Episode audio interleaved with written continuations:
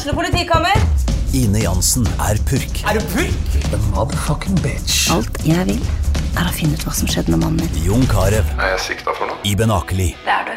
Ole So, Lars Berrum og Big Daddy Karsten. Hvem sin side er du på, egentlig? Anette Hoff, Tone Danielsen, Kommer du fra Afrika? Jørnis Josef, Nesten. Kløfta. Trond Espen Seim, Det er synd å si det, men det var feil mann som døde. Purk. Premiere tirsdag på TV2 Play.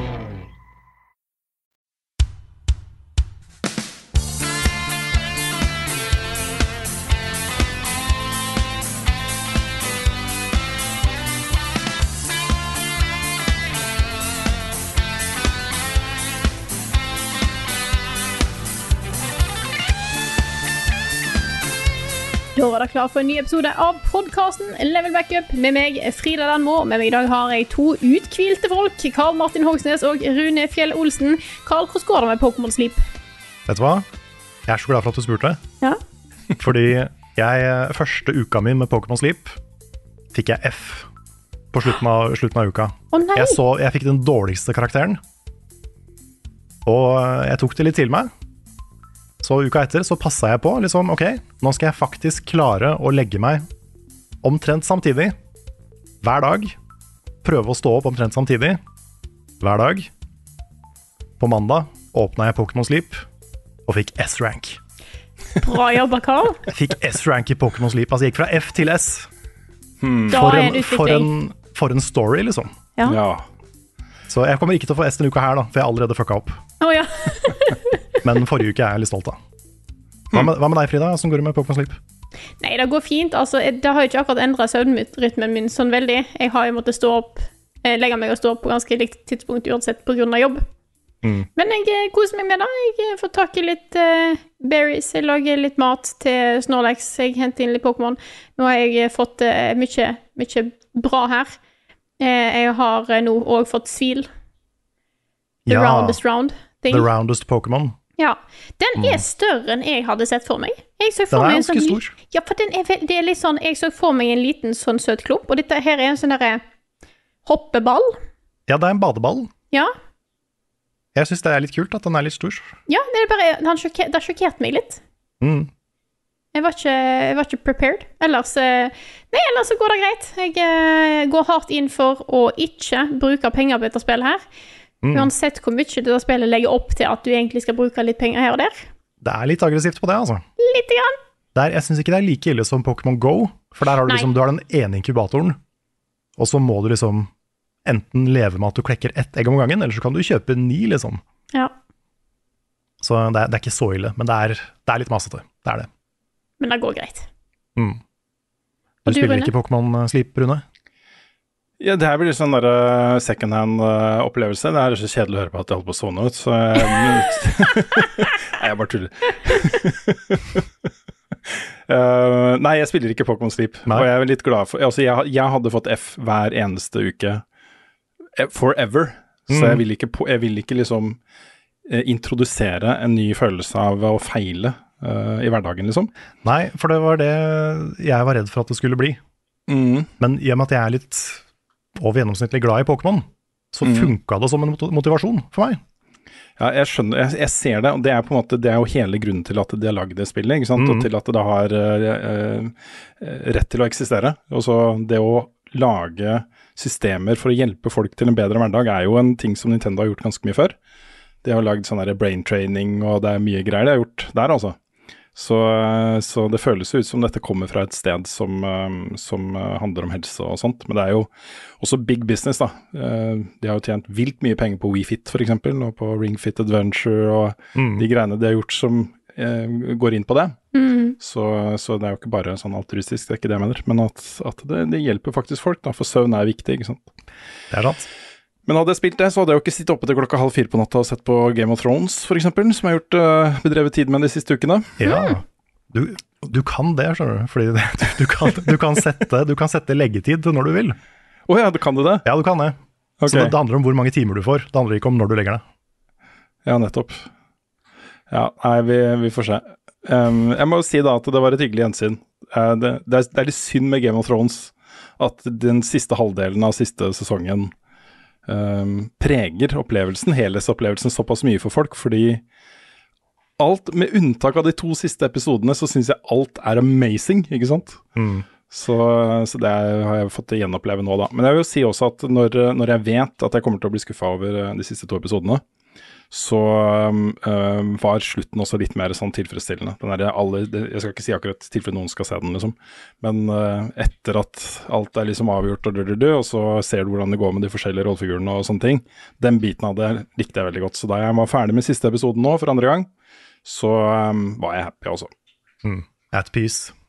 At peace. Tetris. Skyrim. Destiny 2. The Sims. Edderkoppkabal. Destiny 2. Animal Crossing. Pokémon Cola eller Pokémon Pepsi. Destiny 2. Guitar Hero. Kingdom Hearts Bohemian Boogaloo. Destiny 2. Level Ups spilleliste. Som regel så føler jeg jeg har eh, ganske god oversikt over spillmediet, men det du har spilt siden sist, Rune, det har jeg aldri hørt om. Nei. Nei. Ser Carl riste på hodet. Nei, jeg har ikke hørt om. Ikke hørt om. Altså, det er jo en liten sånn bølge som uh, uh, kommer inn over spillmediet nå. Det, jeg tror det starta litt med uh, nyversjoner av sånn Duke Nukem 3D og sånt, men litt tilbake til 1996 shooters. øh, Samme type Boomer vertikal shooters. spillbarhet. Hmm? Boomer shooters, som det heter. Boomer shooters, Ja. det er et veldig godt navn på det. Uh, og jeg treffes jo så hardt i solar plexus av eh, hele den greia der. jeg har spilt opp alle sammen, ikke sant. um, og et av de som har vært ute i Early Access en stund, eh, Access en stund kom nå ut i versjon 1.0 um, for noen få dager siden. Det heter Turbo Overkill. Og det er liksom akkurat det det høres ut som. Det er, eh, tenk deg Quake 1 på steroider. Eller, eller Duke Nukem er kanskje enda bedre, fordi uh, jeg skal snakke litt om hvor dette kommer fra et, etterpå. Uh, men det er altså pikselgrafikk, ultravoldelig, veldig kjapt, masse hemmeligheter overalt. Utrolig vertikal uh, spillbarhet. Dobbelhopp, wallrunning. Uh, masse sånne augmentations som du kan sette på characteren. Uh, du har fuckings sånn derre um, eh, eh, motorsag på leggene dine, så du kan skli bortover, eh, bortover bakken med det leggende foran deg, bare eh, kutte folk, ikke sant? Ah, uh, og en veldig kul sånn derre cyberpunk-setting og story. Uh, og den, det er liksom alt Hvis du syns dette høres fett ut, så er det akkurat like fett å spille, hvis du skjønner hva jeg mener. Altså det er, når man setter seg inn i det, så uh, Spillet starter med at du liksom hopper ut fra eh, Jeg tror det er et helikopter, jeg er ikke helt sikker. Og rett i bakken med disse mo- motorsagene, ikke sant, på en fiende. Og så er spillet i gang. uh, og den der følelsen av å skli rundt på knærne og uh, motorsage folk Eller rundt på knærne, det kan jo ikke være det. Du må jo skli på rumpa hvis du skal bruke leggene. ja, det må være en sånn ake... Ake, du aker rundt det. Ja. Du har et sånt litt, bitte lite rumpebrett som du bare setter deg på. Ja, ja, ja. ja, ja. Men det som, jeg, det som jeg elsker med dette spillet, her er jo på en måte den der eh, følelsen av å utforske 3D-rom på den måten, med dritkule våpen, masse kule abilities, uh, secrets du kan finne, uh, og kjempebra musikk og alle disse tingene, med all den gørra da, i uh, piksler som flyr rundt omkring. Eh, det er ordentlig gøy, altså. Det eneste som plager meg litt med det spillet, er at eh, for første gang på sjukt lenge ble jeg fysisk kvalm Oi. av å spille. Og det, det har jo skjedd av og til, liksom. Noen få ganger så har jeg spilt et skytespill, eller et førstepersonsspill, da. Og plutselig så merker jeg at vet du hva, nå må jeg bare ta en pause. Så det var derfor jeg også, vi skulle jo spille inn en time tidligere. Men jeg, jeg måtte, øh, måtte legge meg ned litt, rett og slett. Så, um, så det vet jeg ikke. Jeg skal teste litt uh, forskjellige FPS og field of view-greier på det. Uh, se om det går over. Ja. Men dette her var et utrolig hyggelig bekjentskap. Og det som er litt kult, da, eller jeg vet ikke hvor kult det egentlig er, men uh, dette er laget av et uh, firma som heter Trigger Happy, uh, og utgitt av et selskap som heter Apogee Entertainment. Og hvis, hvis du er en boomer så, og var glad i skytespill, så vet du veldig godt hvem Apogee er. De het jo først Apogee Interactive, og så bestemte de seg for du, nå skal vi lage et nytt brand for hver sjanger. Uh, så de lagde da 3D Realms for skytespill, bl.a. blant annet da med Duke Nukem-spillene. Eh, og så var det en del av de spillene de var i ferd med å utvikle som ikke den sjangeren var ikke så populær lenger, så hele greia bare kokte litt eh, bort i kålen. Um, og det siste de jobba med da, i, i ti år, det var Duke Nukem Forever. Oi. Ja, så den, eh, hele den, det selskapet og sånt på en måte imploderte litt, da. Eh, De, de eh, klarte ikke på en måte å henge tritt med tiden, eh, og vokste seg ut av å være relevante. De var på en måte ikke relevante lenger. Min, min veldig eh, lettvekteranalyse av, eh, av et stort selskap, dette her, altså. Men eh, faktum var uansett at eh, Eh, På et punkt da så ble liksom hele brandet og, og Apogee og 3D Realms og Duke og alle de IP-ene de hadde, ble jo solgt bort. Eh, og en av de eh, salgene som ble gjort, endte da eh, med det som nå heter Apogee Entertainment, som er en ny publisher. Eh, de skulle i utgangspunktet fokusere på de lisensene de hadde, eh, de gamle, altså vekke til live igjen de gamle greiene. Eh, men har nå bestemt seg for å bli mer sånn Devolver Digital-type publisher. Små indie-teams med kule konsepter, kanskje med en overvekt da, av spill som kommer fra Som er inspirert av på en måte den bølgen av spill som kom på midten av 90-tallet. Um, det selskapet igjen er kjøpt opp av Embracer Group, så det her blir en liksom hakket mindre eh, indie for, for hvert trinn og ledd som går her. Embracer Group har blitt en sånn her drage som bare ingen har kontroll på. Ja. ja, det er litt sånn. De bare spiser mer og mer og mer av spillindustrien. Mm. Nå var det nettopp en kjempestor deal som, uh, som det blir skrevet litt om, som uh, er litt sånn hysj-hysj. Uh, det, det er ingen som vil snakke åpent om hva det egentlig var, da, men et eller annet om noe Saudi-Arabia, something, something. Ja, stemmer det. Mm. Det var en deal som ikke gikk gjennom, var det ikke det? Fordi, Ja, stemmer. Fordi På det- mange milliarder, milliarder av kroner. Riktig. Oi. Mm. Men uh, tilbake til Turbo Overkill, så, så vil jeg bare si at hvis, uh, hvis du er en boomer Eller hvis du, hvis du altså Det som er litt morsomt med disse spillene her, og det er noen få skytespill som på en måte har, eh, som, som er åpenbart inspirert av den gamle måten å lage spill på. Hvor det er mye sånn arena-type lignende eh, scenarioer. Hvor det er mye vertikalitet, og du kan liksom komme opp i høyden og si at oi, der jeg akkurat var, langt der nede, der, nå ser jeg, der er det jo et rom som jeg ikke har vært i fordi det var for høyt oppe, jeg kommer meg ikke, kom meg ikke opp dit. Så tilbake igjen, ikke sant. Eh, ned og inn og rundt, og så finne en nøkkel, og så opp igjen, og så eh, utforske miljøet på den måten. Det er også så gøy, altså. Um, og um, når du får liksom den kombinasjonen av abilities uh, og muligheten til å sette på augmentations, og muligheten til å oppgradere uh, abilities og våpen. Du har f.eks. en sniperrifle, uh, som er sånn at når du skyter noen med den sniperrifla, så teleporter du inni kroppen til den du skyter på, og sprenger den fra innsiden. Så det er bare for å um, ta litt nivået dette her ligger på, Ja. så er det der, det er der vi er, altså. Det er der vi er. Eh, og disse motorsagene, selvfølgelig. Så, så dette er- var uh, noe for uh, noe for meg også. Veldig likte det spillet kjempegodt. Så ja. Og så spiller jeg jo litt andre ting som jeg ikke kan snakke om ennå. Riktig. Cool. Ok, skal jeg ta over? Gjerne. Nå skal vi tilbake til eh, spillserien som er Runes favorittspillserie, faktisk. Oh. Oi! Nemlig Pokémon. Ja. Og, eh, fordi det kom eh, Det var en sånn Pokémon eh, Presents-sending forrige uke. Den var det ikke så mye spennende på. Men det var én ting som fikk Svens og meg litt gira, og det var at Gameboy-spillet Pokémon Trading Card Game kom ut på Switch. Ja. Og det er et spill som jeg husker som veldig bra. Men noen ganger så er det sånn at når du går tilbake til ting, så er det ikke så bra som du husker da du var liten. Mm. Og Pokémon Trading Card Game er akkurat så bra som jeg huska da jeg var liten. Oh, ja, men så gøy. Det er så bra. Det er, det er faktisk et dritbra Pokémon-spill. Og det er ikke så mange som har spilt det. Så eh, det, det er på en måte et litt sånn miniatyr-Pokémon, hvor du har, du har åtte gymledere, og du har liksom eh, en åpen verden hvor du kan ta de i hvilken rekkefølge du vil. Og, og så bygger du Dex da, av, av Pokémon Trading Card Game. Det er en veldig fin måte å lære kortspillet på. Okay. Du sier du, du bygger Dex, bygger du Strength også, eller er det Du bygger, du bygger eh, int. Int, ja. int, Ja. ja. Dex er da kort, kortstokken du bruker i spillet.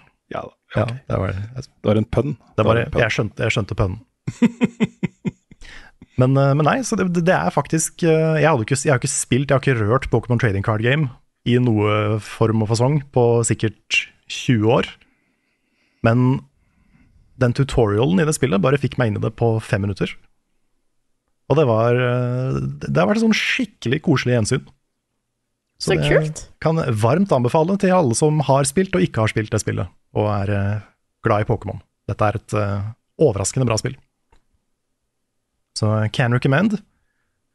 Ellers så har vi jo fortsatt på Baldur's Gate, da. Det er fortsatt, uh, fortsatt eventyr i, uh, i Baldur's Gate med Nick og Svens og litt solo. Forrige session vi hadde, så eh, hadde Nick et lite uhell med en nål. Det gikk uh, brutalt for seg. Det er nesten vi må ha en sånn liten content warning på den episoden, for det var uh, ti- ting, ting gikk hardt for seg. Um, det, men det er fortsatt veldig gøy. Det er et, et så vanvittig åpent spill at man blir litt sånn Man sliter litt med å forstå at det er mulig noen ganger. Mm. Hvor mange valgmuligheter man har. Men eh, det er én ting som jeg, som jeg la merke til nå forrige gang, og det er at uh, når vi spiller sammen, så er det noen valg som det virker som på en måte én person tar på vegne av alle. Og det ble jeg litt skuffa over. Sånn, eh, det er noen sånne litt sånn skumle powers du kan unlocke etter hvert i spillet. Og Svens gikk for de, fordi Svens går jo for the, the dark powers, som regel. Ja, ja. Uh, mens da jeg, og jeg tror Nick, valgte å ikke gjøre det. Men likevel så fikk vi cutscenes som om vi hadde gjort det. Okay. Og det var litt sånn, da ble jeg litt sånn hm, jeg håper, Ja, dette, jeg håper ikke resten av spillet er sånn. Fordi fram til da så hadde det vært veldig bra på det motsatte. Svens Så- bare kupper hele greia, liksom. Ja, tenk Ja. om. Tenk om vi blir en dark playthrough bare pga. Svens. Mm. Men uh, Genocide run. ja, rett og slett. Så uh, akkurat det var litt sånn der, hm, jeg, håper ikke det, jeg håper ikke det fortsetter, jeg håper det var en bug. Så eh, vi får, vi får se hvordan det utarter seg. Jeg så at Larion har gått ut og anbefalt folk å ta um, long rest uh, så ofte som mulig. Mm. Det reduserer sannsynligheten for bugs. Men det er jo sånn med mennesker òg. Hvis du tar Mm. long rests litt ofte, så får du færre sykdommer. Har et bra søvnregime. Om Mm. det bare hadde funn- funnes en app som kunne hjelpe deg med det. Ja, tenk om. Hvor Ja. du kunne liksom våkne, og så var det søte Pokémon som hadde lagt seg ved siden av deg, og det hadde vært så koselig. Har dere prøvd vann fra springen? Jeg har sett en ny TV-serie ja, nå, vet du. Dette albumet må dere høre. TV-spill er ganske stas. Det er en serie som foregår in space. YouTube.com er en kul nettside. Level Ups anbefaling. Vi har to anbefalinger på lager til dere i dag, og først ut er Carl. Det er det. Mhm. Jeg skal anbefale noe som jeg på en måte har anbefalt før, tror jeg. Jeg har i hvert fall snakka om denne personen før. Det er en YouTuber ved navn Jacob Geller. Ja. Jeg sier YouTuber, men han er, kanskje, han er både på YouTube og på Nebula, som er den eh, abonnementsplattformen som konkurrerer litt med YouTube. Så han er en nebulist. Han er en nebulist, og det høres ut som en sånn eh, skyggeorganisasjon-ting. Ja. En nebulist. Sånn Illuminati og The Nebulists. Men han er eh, en av de aller flinkeste folka på YouTube, mener jeg, som snakker om spill. Han har et sånt videoessay-format som er utrolig sånn han, jeg, hvis, jeg, hvis jeg kunne brukt Jeg, jeg ville kanskje ofra fem år av livet mitt for å bli så flink til å skrive som han er. Han bare, Måten han formidler på, er helt vanvittig. Men han har en ny video, relativt ny video, som heter 'Staring into the Sun'. Og den eh, Det begynner på en måte som et argument for hvorfor Tears of the Kingdom er et av de peneste spillene noen gang. Da til tross for liksom Switch og sånne ting, at det er bare et sånt utrolig estetisk vakkert spill. Og hva det har med horisonten og sola å gjøre. Og derfra da, så går videoen over til å bli en sånn et slags tilbakeblikk på sola i kunst generelt. Med malerier og diverse, ymse diverse. Og det er veldig interessant. Og øh, poenget kommer så tydelig fram, og det er så jeg blir så, blir så misunnelig på hvor flink han er. Eh, han har også en video, uh, som er den forrige han lagde, som heter Games That Don't Fake The Space. Den er dritkul. Den er kjempekul. Du har sett den? Handler om liksom de gangene illusjonen på en måte ikke er en illusjon. Hvor det svære rommet i spillet faktisk er så stort og faktisk er altså Det er en sånn teknisk forskjell på noe som er faka og noe som er mindre faka, men det er liksom måten han snakker om det på. Det er noe Det er åh. He's so good. Så generelt bare sjekk ut Jacob Geller, ass. For en fyr. Mhm. Hmm. Og så har jeg en liten anbefaling på lager, som òg er på en måte noe jeg har anbefalt før. Mm. Så det passer bra at vi tilfeldigvis hadde samme tema her. Men Dette er fordi at jeg, eh, jeg er veldig glad i en strømmetjeneste som heter Dropout. Dette er jo strømmetjenesten til bl.a. de som står bak Dimension 20. De som før het College Humor og sånt. Oh, ja. Og den har altså så mye gøy på seg. Og bare for å liksom prøve å få dette innholdet ut til flere, så vil jeg bare nevne at nå eh, De har en serie nå som er noe av det morsomste jeg har sett på lenge. Eh, Tidligere så har jeg anbefalt en eh, slags humor-gameshow de har, som heter Game Changer. Der hver episode har en helt nytt tema, der egentlig ingen vet hva temaet er i forkant. Eh, og en av disse temaene de hadde, var at eh, deltakerne da, som er komikere, skulle eh, måtte reagere og på en måte respondere på et prompt de fikk. Enten skulle de lage en lyd eller lage en karakter eller sånne type ting. Og den har de nå eh, tatt ut og lagd en helt egen spin-off-serie med. Den heter Make Some Noise, eh, og handler bare om måte, at de, eh, disse deltakerne får prompts som de skal eh, basically lage humor ut av. Eh, mye improvisasjon her. Eh, og noen av disse her inneholder òg at de skal plutselig bare on the spot lage sanger. Sånn som den nyeste her. Eh, som eh, De på en måte bare får en eh, De velger en eh, artist, og så en fake tittel, og så skal de liksom lage den sangen der og da. Og de får med seg folk til og med sånn som Wayne Brady, som er jo ganske store folk her. Og det er knallgøy, og det er noe av det beste av humor jeg har sett på internett på veldig, veldig lenge. Så jeg vil bare anbefale, hvis du eh, ikke har sjekka ut eh, Dropout, eh, dropout.tv, ta en eh, kikk. Hvis du er glad i Dimension 20, så har du masse å ta av der, f.eks. Men ellers, alt som eh, går nå, som er ongoing, av både eh, denne Make Some Noise eh, og serien Um Actually, som jeg også syns er gøy, og Breaking News. Det er så mye bra på dropout.tv, så jeg vil bare liksom prøve å nå ut en, en kul streamingtjeneste som har veldig mye underholdning, og er ganske mye rimeligere enn mye annet av streaming-sida. Så Vil du si at dette er liksom uh, streamingverdens versjon av Devolver Digital-type ting, liksom? Ja. At, sånn alternativt lite univers som bare gjør sin egen greie? Absolutt. Og så er det, det er nesten bare på en måte humorunderholdning lagd av folk som virkelig brenner for å lage denne typen innhold. Ha. Ja. Jeg visste ikke at eh, College Humor fortsatt holdt på. Jo, det Men de har, ty de har tydeligvis droppa ut, da. Siden ja, de har har, Dropout. ja. Mm. Vi, uh, det er bare en ting jeg kom på i den forbindelse også, for det kommer en ny TV-serie i, um, i høst. ja. som um, Skal vi se, jeg tror han er uh, Han er vel med i en ny serie som kommer som heter The Curse. Nathan Fielder.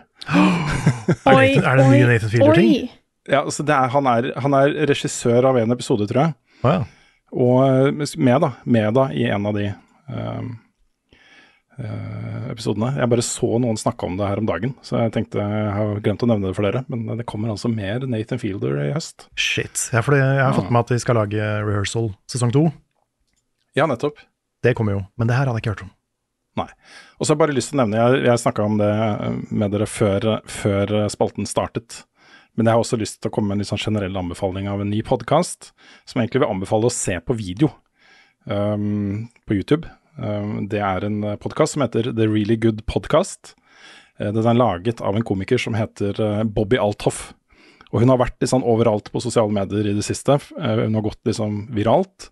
Og dette er også en, en komiker som starta sin egen podkast for to måneder siden. Første episode. Hun har over 700 000 abonnenter på YouTube nå. Eh, hun har hatt Mark Cuban som gjest, hun har hatt Drake som gjest. Førstegjesten første gjesten var skuespiller eh, Rick Glassman. Hun har hatt eh, og Taiga som gjester. Og det er liksom hun eh, Jeg har sett et intervju med henne hvor hun er en helt annen person. Uh, hun har en veldig sånn distinkt persona i den eh, serien. Og det er å være sånn derre utrolig lite engasjert i absolutt alt. Eh, og det, det lages også så mange awkward silences eh, i den podkasten, i de samtalene. Eh, og hun breaker aldri character mens Åh. hun stiller da disse folka disse spørsmålene, ikke sant. Så hun er litt sånn kvinnelig Nathan Fielder, på en måte? Litt rann, faktisk. Det er Ja. en del likheter eh, mellom de også. Ok. Eh, men det er først og fremst, syns jeg, bare et utrolig altså, smart Hun har funnet Hun har liksom brøyta seg inn i underholdningsverden på den måten der, med et konsept som ikke ligner på noe annet, og en personlighet og en character da, som, uh, som jeg tror nok går ut på dato etter hvert. men enn så lenge syns jeg det er veldig gøy. Så bare sj- sjekk ut Bobby Althoff og The Really Good Podcast. Jeg syns dette er eh, ganske, ganske magisk også.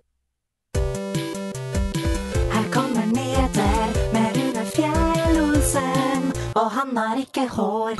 Ok, da hadde vi Pokémon i introen av podkasten. Vi hadde Pokémon i spillsiden siste sist-spalten, og nå skal vi pinadø snakke mer om Pokémon. Åh, det er tre ønsker på en gang. Ja, Ja. det er det. Akkurat Eh, som det har nemlig vært Ja, ikke sant.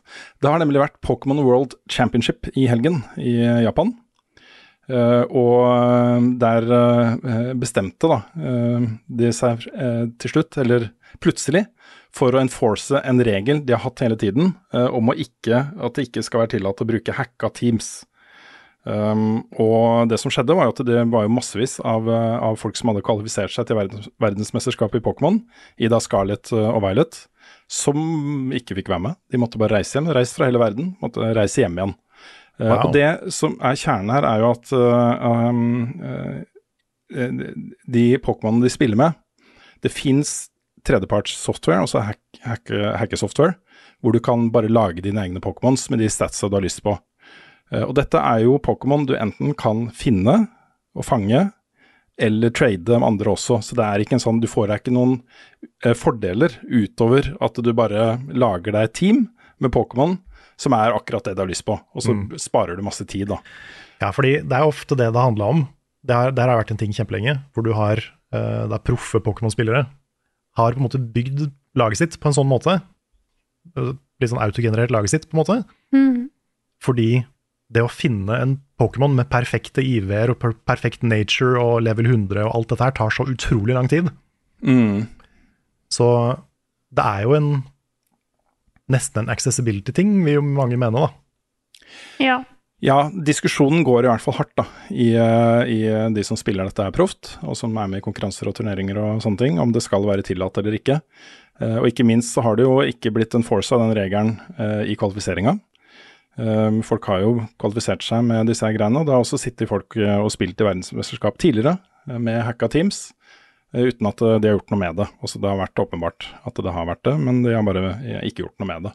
Så det har på en måte vært en veldig sovende regel som ikke har blitt praktisert. Da, Eh, da skjønner jeg jo at eh, det blir mye diskusjoner rundt dette her. Ja, det burde jo vært informert om veldig mye tidligere.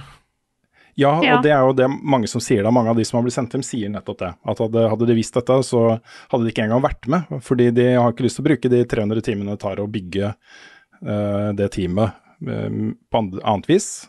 Finne folk å trade med og, eh, og jakte på det sjøl. Mm. Så, så det er jo en, eh, en eh, ganske stor greie da, for, eh, for det community der, liksom. Det er jo også et problem i Pokémon-spillene med at det fins en del uh, hacka Pokémon som blir trada. Og det er også Pokémon som, tror jeg, da, har stats som ikke er mulig i spillet. Så da er det liksom, oh, ja. da går det over i å bli juks, liksom. Å. Ja, da er det juks, selvfølgelig. Ja. Da er det jo eh, pay to win, eller eh, hva man skal kalle det. Mm, Juks. juks. Så um, det er jo ikke snakk om det, da, i hvert fall her. Nei. Dette er bare en shortcut. Ja, det er en shortcut. Det blir som å Ja, det, blir, det er bedre enn å, å ha et sånn hacka eh, eh, Fifa eh, Ultimate Team-lag. Ja, men, men det er litt av det samme, egentlig, ja. på en måte. Bare at du slipper å bruke penger på Pokémonene. ja, det er Ja. pengene, ikke sant. Mm. Kan også nevne at uh, nordmann Tord Reklev um, spilte i- Det var vel i kortspillturneringa uh, i VM. Det er jo i alle, også det er mange forskjellige typer Pokémon-spill som det er turneringer. Han kom til finalen, men eh, ble nummer to, da. Tapte mot uh, amerikanske Vance Kelly. Ja. Han har sikkert spilt Det Gameboy-spillet masse, vet du. Han har Ikke sant? Ja. Mm. Ja, ikke sant. så ja. Um, og så en nyhet som eh, vi har egentlig gått og venta litt på, eh, men ikke helt på denne måten. Um, Steamdeck har jo ikke vært tilgjengelig for vanlig utsalg i Norge. Du har ikke kunnet gått inn på en butikk i Norge og kjøpe en Steamdeck. Du kan ikke engang gå på Steam og bestille en eh, over nett og sende den hjem til deg fordi du bor i Norge. Så da må du enten da liksom få folk til å kjøpe den til deg i utlandet, eller få den sendt til et svensk postkontor, eller på annet vis. Eh, men nå er den tilgjengelig i Norge for normalt utsalg på, i hvert fall på Power, eh, og jeg tror den er på vei til andre ting også. Jeg kunne se at Elkjøp f.eks. de hadde sånne derre eh, bærevesker og, og covergreier til Steamdekk for salg, men da ikke selve Steamdekken. Så jeg tipper at den kanskje er på vei inn i norske butikker nå. Men den koster jo litt da, folkens. Ja, fy faen. Gjør det, dyr. Den koster litt. Um, 64 gigabyte-versjonen koster da på Power 6799 kroner. Uh, 256 gigabyte-versjonen koster 7999. Og 512 gigabyte-versjonen koster 10.999 kroner. Oi. Oh boy. Det er er, ganske mye penger. men er det fordi Power har importert de, eller er det bare det den koster i Norge?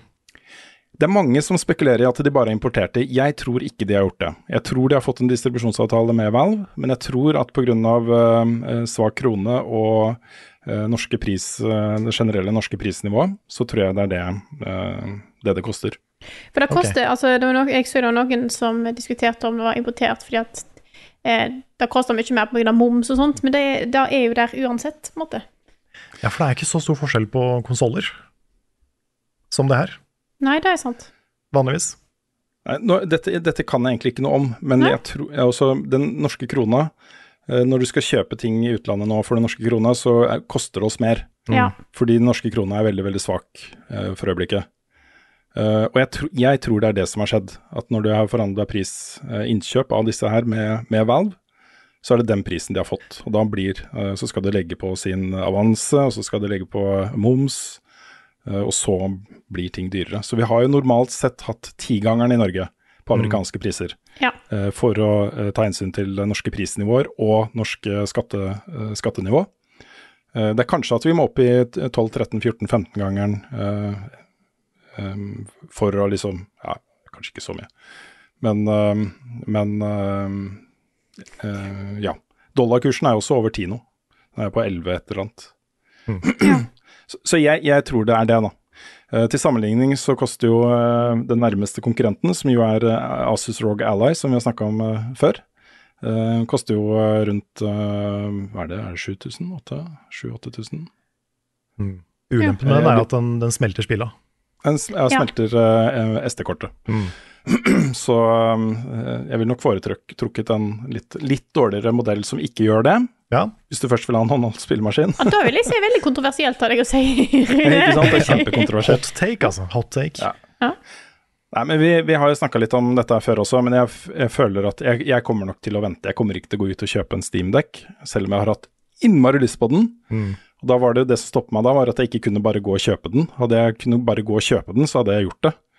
Eh, og så kom denne Rasus ROG Ally og var fortsatt på den der 'jeg har så lyst på en håndholdt PC', som er en spillkonsoll, og jeg kan spille alle PC-spillene mine. Eh, valgte til slutt å ikke gjøre det, ikke så jeg snakket meg selv bort fra det, og der er jeg fortsatt. Ja, ja, for jeg har gjort det nå. Jeg, jeg, jeg ser jo på Steam-dekken og tenker at den er ganske kul. Og det er jo noe med den der drømmen om å spille PC-spill når du er ute og reiser. Mm. Men så tenker jeg, hvor ofte er jeg ute og reiser? Og når jeg er ute og reiser, bruker jeg aldri Switchen min. Fordi jeg Nei, spiller jeg nesten, litt, bare, jeg spiller nesten bare Switch i docked mode. Samme her. Og nesten alltid når jeg spiller, så tar jeg opptak. Mm. Og det er også noe jeg ikke kan gjøre hvis jeg har noe håndholdt. Nei. Så det er liksom, jeg, jeg klarer liksom ikke helt å rettferdiggjøre bruksområdet for meg sjøl. Nei, jeg gjør egentlig ikke det, det jeg heller. Men det er et eller annet med den der å bare ha tilgang til Steam-biblioteket ditt hvor som helst, Det er det. Som er litt tiltalende. Men kanskje neste generasjon. Kanskje når eh, det, blir litt bedre i innmaten og sånt. Kanskje jeg hopper på det allikevel, etter hvert. Vi eh, får, har fått en eh, dato, lanseringsdato på det neste spillet til Dpad, som ikke er Vikings on Trampolines. Jeg lurer på når kommer det egentlig, det spillet? Nå var det ute og sånn, nå kommer det, folkens. Har det vært, eh, var det tidligere år? Eh, Men det neste spillet de lanserer, er jo en ny versjon av ditt nå ti år gamle Savant uh, Ascent, som du anmeldte vel, Frida, gjorde du ikke det? Nei, det var før min tid. jeg husker jeg lagde en Let's Play av det. Jeg husker ikke om jeg anmeldte det i VG. Jeg husker vi har dekka det, i hvert fall. Ja, vi har, vi har snakka om det. Ja, ok. Jeg husker ikke i farta om jeg ga det en score eller ikke, men det var, det var veldig bra. Det var, det var jo det første de på en måte publiserte. Mm. Det som er tinget, da, D-pad er D-pad. Så når de bestemte seg for å lage en, en remaster Det skulle være en ren remaster, dette her. Så først da så lagde Savant, musikeren Savant, lagde helt nye låter. Jeg tror det er 24 nye låter eller noe sånt. Det er masse nye låter til dette spillet her. Um, og så lagde jo Simon eh, ny grafikk og nye bakgrunner og sånne ting. Og så fant de på helt nye brett og levels og ting, bosser og alt mulig rart.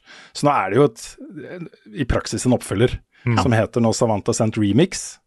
Eh, Så du vil jo kjenne igjen, har du spilt originalen, så vil du nok kjenne igjen ganske mye, men det er såpass mye nytt at de selv kaller det en oppfølger. da. Eh, Og det kommer nå den 15. september. Så um, det er litt eh, morsomt dette her, altså. Fordi Savant Ascent, eller Savant, er jo en anerkjent elektronikaartist rundt omkring i verden. Kanskje ikke sånn megakjent i Norge, med mindre du er litt inni det, liksom. Men han lager jo dritbra musikk. Jeg tror han jobber eh, på Deepad nå. Jeg tror han er ansatt, liksom, i, på teamet. Kult. Um, så, um, så det er liksom en ny mulighet da, til å oppdage en, uh, altså Askøys store sønner, uh, og en av de kuleste artistene vi har. Uh, så, så jeg har litt uh, forhåpninger for dette her også. Det er en kul, kul ting å lansere. Uh, og så nærmer det seg jo da, folkens. Det nærmer seg lansering av Starfield. Uh, preload starter da i dag, torsdag 17. august. På Xbox og eh, Windows PC, eh, ikke Steam. Eh, Preloaden på Steam starter først 30. august. Og så er det jo sånn at hvis du har kjøpt Digital Premium Edition på forhånd, så får du tilgang fra 1.9. Så det nærmer seg. Det nærmer seg veldig. Og i anledning da, oppladningen og oppkjøringen til Starfield, så har Bethesda sluppet det de kaller liksom forhistorien til Starfield. uh, som en tekstgreie. Uh, og den beskriver på en måte litt i detalj hva de mener med NASA-punk. Uh, fordi historien, da, forhistorien til Starfield starter i år 2050, det er ikke så lenge til, med den første bemanna ekspedisjonen til Mars. Og det er ikke så langt unna. Nå det jo, starter det å bemanne og så reiser til månen igjen. Mhm. Neste skritt er jo Mars, det er jo planlagt, det ligger på, ikke sant, og det vil kanskje skje rundt da her også. Uh, og så, uh, ifølge da den historien de skaper, så um, flytter da menneskeheten seg til Alpha Centauri, um, stjernesystemet, for å starte en ny koloni, og det tar jo noen hundre år. Uh, og så etablerer de da New Atlantis uh, der, som den første store menneskebyen uh, i dette stjernesystemet. Og så blir det noen kriger og borgerkriger og sånne ting. Uh, og så finner de en alien artifact med noen mystiske egenskaper. Uh, og så starter da spillet i år 2328, mm, hvor uh, det er en av disse to Det er to sånne factions da, som på en måte er litt mot hverandre, uh, som har kjøpt en romstasjon. Så jeg tror den heter The Eye, som skal bare speide ut i verdensrommet etter ting, ikke sant. The Eye of the Universe. The Eye of the Universe. Ja, Ja. også kalt The Traveler, er det ikke det? Ja. The Traveler. Ja. Ja, dette er jo noe de har, dette er noe de har lagd, da. Sikkert for å leite etter disse artefaktene eller noe sånt, ikke sant. Mm. Så, um, så um, jeg ble litt sånn derre Jeg merka Vi hadde jo en lang prat om science fiction og sånt i forrige podkast. Mm. Og da jeg leste gjennom den liksom, forhistorien til Starfield, så ble jeg sånn Dette altså Jeg hører du koser deg når du snakker om uh, dette. Ja, ikke sant? kan ikke spillene bare være bra, da? Kan det ikke bare være Jo, bra? jeg, Ja. håper, jeg håper så det spillet er bra, altså. Mm. Nei, jeg går jo og klør etter fingrene. Jeg antar at uh, review-kode kommer snart nå, siden det er et såpass stort og omfattende spill. Det, det ja. Det. Det, det, det det spillet trenger for å virkelig kapre hjertene til folk der ute, det er en trailer hvor du, hvor du viser at det er mulig å bange noen aliens, Ja. sånn som Bowlers Gate gjør. Ja, det hadde vært noe, det. Mm. Mhm. Det er ikke det jeg gleder meg mest til da, i det spillet her. Men, Nei, nei, det er ikke Mass Effect, det er ikke det. Nei, pokker dere, det er ikke lenge til, ass. Eh, Jeg er eh, utrolig spent. Og det er, det er så rar følelse, fordi normalt da, når jeg gleder meg så mye til et spill, så er det fordi jeg føler meg ganske sikker på at det kommer til å bli bra. At, jeg har, at det er fra et team liksom, som jeg har fulgt en stund, kanskje, som har lagd andre spill som jeg liker veldig godt. Um, de har kanskje veldig god track record. Uh, og et team som jeg stoler på. Men nå er også forrige Betesta-spillet jeg spilte en del, var jo Fallout eh, 76, liksom. Mm. Så jeg er, ikke, jeg er ikke der. Jeg er veldig bekymra for at ikke det er bra. Eh, Men håper det, håper det er det, da. Håper det er bra. Det er litt sånn med Armor Core for meg. Ikke at jeg tror det er dårlig, men jeg er usikker på om det er for meg eller ikke. Mm. Så det er sånn, jeg er veldig spent på det, men også veldig sånn nysgjerrig på om det er noe eller ikke, for min del. Mm. Ja. Det er eh, jeg også. Det lanseres jo allerede neste uke, neste fredag. Det gjør det. Så det er sikkert ikke så lenge til vi kan snakke om det. Um, Microsoft har eh, gjort en del tiltak nå for å, eh, for å bekjempe trakassering i spill på deres plattformer. Og pussig nok da, så sitter vi og jobber med en egen serie hvor vi, som handler om nettopp det. det er jo, det, eh, vi, vi lager jo en serie eh, finansiert av Medietilsynet eh, som skal ut i november eh, som handler om trakassering i spill. Eh, og Utgangspunktet er jo at det er for mye av det. Eh, Folk eh, har kjipe opplevelser på nett. Um, og serien vi lager skal jo ta for seg da bl.a. hva spillbransjen gjør. Eh, Så jeg samler litt på den type saker nå, som jeg skal hente opp igjen i serien. Eh, Og det Microsoft har gjort nå, er et par grep som jeg syns er interessante. Og Den første er at det er innført et, et eh, sånn strike-system. Hvor eh, hvis noen rapporterer deg for dårlig oppførsel, eh, og, eh, og det dokumenteres at du har oppført deg kjipt, så får du en strike med en straff basert på hvor alvorlig det var. da. Så det kan være alt fra utestengelse i en dag til en uke osv. Men så er det sånn at får du syv strikes, uansett hva det er for, så er du ute av alle Microsofts sosiale tjenester i spill og andre steder i et år. Eh, og for eh, de verste tingene så blir, kan du bli utestengt for alltid, da. Så de har jo en gradering der også. Du får aldri lov å åpne kalkulatoren i Windows lenger. Det, ikke sant. ikke sant. Uh, og for å støtte opp under dette systemet, så har de nå også introdusert, og den er nå kun tilgjengelig for uh, de som er sånn Xbox Insider-brukere. Og det er liksom hvem som helst kan bli det. Du kan søke om å få bli en Xbox Insider, og så får du tilgang til tidligkode av eh, beta-testing av Minecraft-utvidelser og alt mulig rart. Um, uh, men den skal nå rulles ut i alle engelsktalende eh, regionene til Microsoft, sånn som jeg forstår det. Hvor eh, det er integrert, da. Spiller du et Microsoft-spill via Xbox Live eller via andre ting, nå heter det vel ikke Xbox Live lenger, er du sikker. Spiller du et spill i Microsofts økosystem, så vil du ha muligheten til å lagre et 60 sekunders eh, lyd- og videoklipp. Um, F.eks. da fra en voicechat-lobby. Uh, og sende den mens du spiller, mens du sitter der, så kan du sende det klippet inn og rapportere uh, brukeren det gjelder. Uh, dette klippet vil bli lagra på PC-en din i 24 timer, eller konsollen din, og du vil bli minnet på eh, at du har det klippet, og spurt om du har lyst til å sende det inn. Så du kan også bare la det ligge til du er ferdig med å spille, og så sende det etterpå. Da. Eh, og dette her er jo en sånn herre um, Hvis du kombinerer dette med at du ikke får lov til å være fullstendig anonym lenger på um, online-tjenester, så begynner jeg å få litt håp for at, uh, at hvis spillbransjen tar dette alvorlig nok, så, så klarer man faktisk å, å rydde unna de verste. Mm. Uh, for grunnen til at dette har blitt et såpass stort problem, er mye fordi folk har fått holde på uten konsekvenser. De bare lager seg nye kontor eller uh, Ja. et eller annet. Mm. Det er en del folk som mangler et filter på de tinga der, og det, Mm. det har liksom fått løpe løpsk i litt for lang tid. Ja, det er kjempeviktig, for jeg så en sak tidligere i sommer også på at uh, statistikk da, på hvor mange som velger bort spill fordi de har hørt uh, at det har et toxic community. Mm. At det også eh, drive med voicechat f.eks. i eh, et spill. Eh, og av de som ble nevnt, så var jo sånne ting som League of Legends, uh, Call of Duty, you know, Mm. those kinds of games, ble jo nevnt da, eh, som spill som folk aktivt velger bort. Og da er det jo penger, ikke sant. Det er jo kroner og øre for disse utgiverne også. Det går faktisk an å tjene penger på et spill um, hvis community oppfører seg. Mm. At mer penger på et spill. Og så til alle som tenker at ja, men dette her er bare en del av måte, Toxic miljø er bare en del av sånn det er. Nei. Og for de som tenker at ja, men det er bare at liksom tøff, være, sånn, være tøffere og la det bare prelle av. Nei. Vi kan være bedre enn det, faktisk. Mm. Altså Den type oppførsel um, kryper under huden på folk. Og så hvis du til stadighet opplever å bli f.eks. trakassert bare fordi du er kvinne, fordi du har en kvinnelig stemme i voicechatten eller et kvinnelig brukernavn, det er liksom Folk må forstå at det påvirker folk. Det er ikke noe du kan bare la prelle av. Uh, og de som ikke forstår det, er jo gjerne da menn som ikke opp opplever den samme type oppmerksomhet bare fordi de er menn, ikke så bare pga. kjønnet sitt, ikke sant. Mm.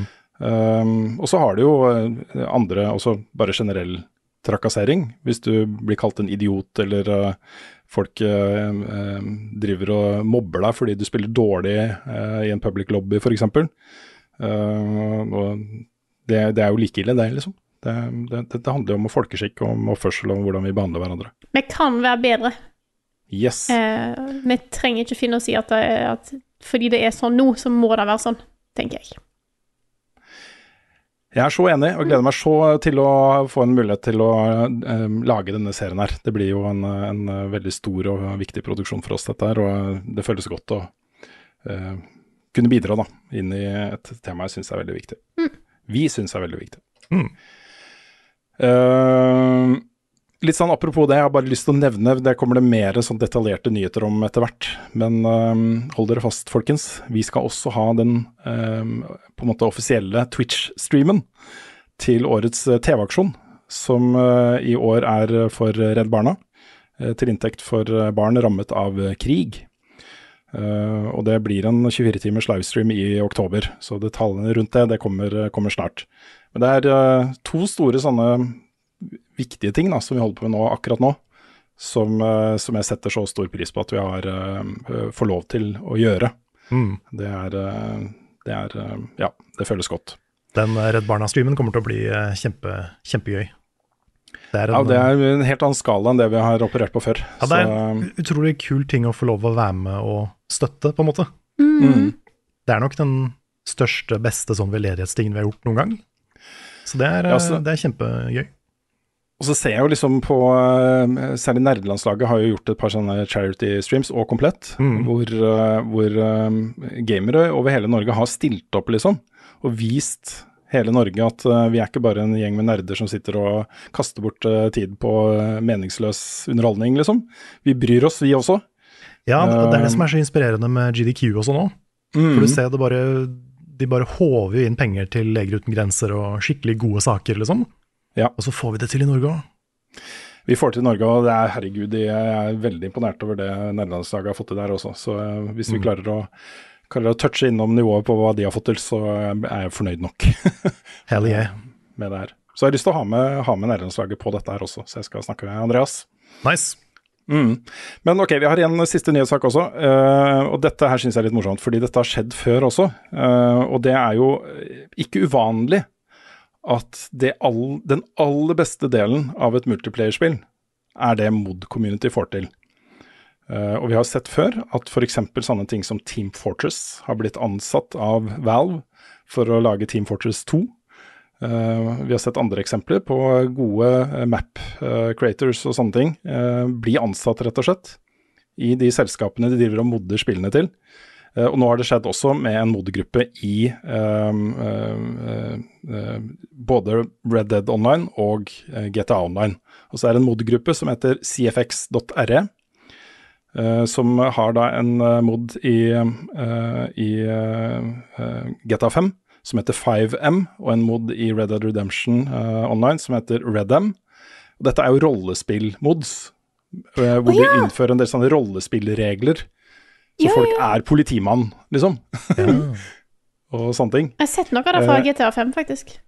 Ikke sant? Og de har nå blitt ansatt av Rockstar. Så nå er, det, nå er de inn på teamet der og sitter da og jobber sikkert da med ting til, eh, til neste GTA Online. Så nå kommer jeg med GTA 6, tenker jeg. Så, så dette syns jeg var litt uh, kult altså. Hva er hennes best, hvor var fredag sist? Har Carl egentlig sopp? Ukens spørsmål. Kjør vignett! Ukens Sinfor. For ett år siden kasta vi bokstavelig talt sammen et lag i PubG og registrerte oss inn i Telialigaen 4. divisjon. Et år senere, og vi er like ivrige til tross for nok en sesong i fjerdedivisjon. Nå heter det ikke lenger Telia, men Good Game-ligaen, og nå koster det penger å delta. 59 kroner måneden, eller eh, kroner 2832 per år per lag med fire spillere. Og vi som er voksne spillere og har jobb, har råd til dette. Men det har skapt diskusjoner i miljøet, og det kan være at færre lag eh, blir med grunnet dette. Hvordan kan abonnementstjenester som dette være med på å løfte e-sport Norge? Skriver òg Level Up er en del av Good Game. Får dere noe igjen fra abonnementstjenesten som er satt opp med Gamergull? Dette er jo da Et godt spørsmål. Ja, fra Og en god anledning til å snakke litt om dette her også, fordi dette har jo vært et arbeid som har pågått over ganske lang tid. Eh, internt i Good Game, og vi har ikke vært involvert i den jobben i det hele tatt, men vi sitter jo ikke så langt fra de folka, vet jo uh, mye om hva de tenker og eh, Vi har vært på mandagsmøter og fått informasjon og sånne ting. og um, jeg, jeg syns uh, egentlig Trond selv forklarer hvorfor dette systemet er innført. Eh, de har jo et lag i fjerdedivisjon, koser seg med dette, syns det er kjempegøy. Det er en hobby som, uh, uh, som gir dem mye. Eh, og han og hans venner som spiller da PubG sammen. Eh, og så er nå tingen en gang sånn at eh, akkurat som at det koster penger å lage spillanmeldelser, så koster det penger å drive en, en liga. Uh, og nå har jo Good Game-ligaen hatt en veldig stor sponsor de siste årene, som nå ikke er med lenger. Um, uh, og uh, behovet for å tjene penger er jo det samme. Det sitter folk, ansatte, som jobber med dette her, og det, det å drive en liga eh, koster penger. Um, så sånn som jeg har fått det beskrevet eh, av andre i, i, i Good Game, så er dette med på å sikre eh, eh, eksistensgrunnlaget til hele ligaen. Det at man har et inntektsgrunnlag som ikke bare er basert på at de tilfeldigvis har en sponsor som betaler mye penger, eh, men hvor det er en økonomi i som er forutsigbar. Akkurat som også, ikke sant. Et system på plass som er forutsigbart. Eh, og så er på en måte den andre siden av den diskusjonen er jo da at det koster jo som regel penger å drive med en hobby. eh, om det er leie av hall, eller om det er innkjøp av eh, treningsutstyr, eller om det er eh, egentlig hva som helst. Eh, så eh, jeg vet at våre kollegaer og venner i Good Game håper jo at folk skal se det på den måten. Jeg skjønner at det blir diskusjoner, og det er alltid diskusjoner. Jeg husker eh, veldig godt da eh, VG innførte VG+, eh, en betalingstjeneste. Eh, folk måtte betale penger på nett for å lese nyheter. Det var helt uhørt, for nyheter på nett var jo gratis. Ikke sant? Det hadde alltid vært gratis, og skulle alltid være gratis. Eh, men det er samme argumentet der. Det koster penger å lage eh, innhold.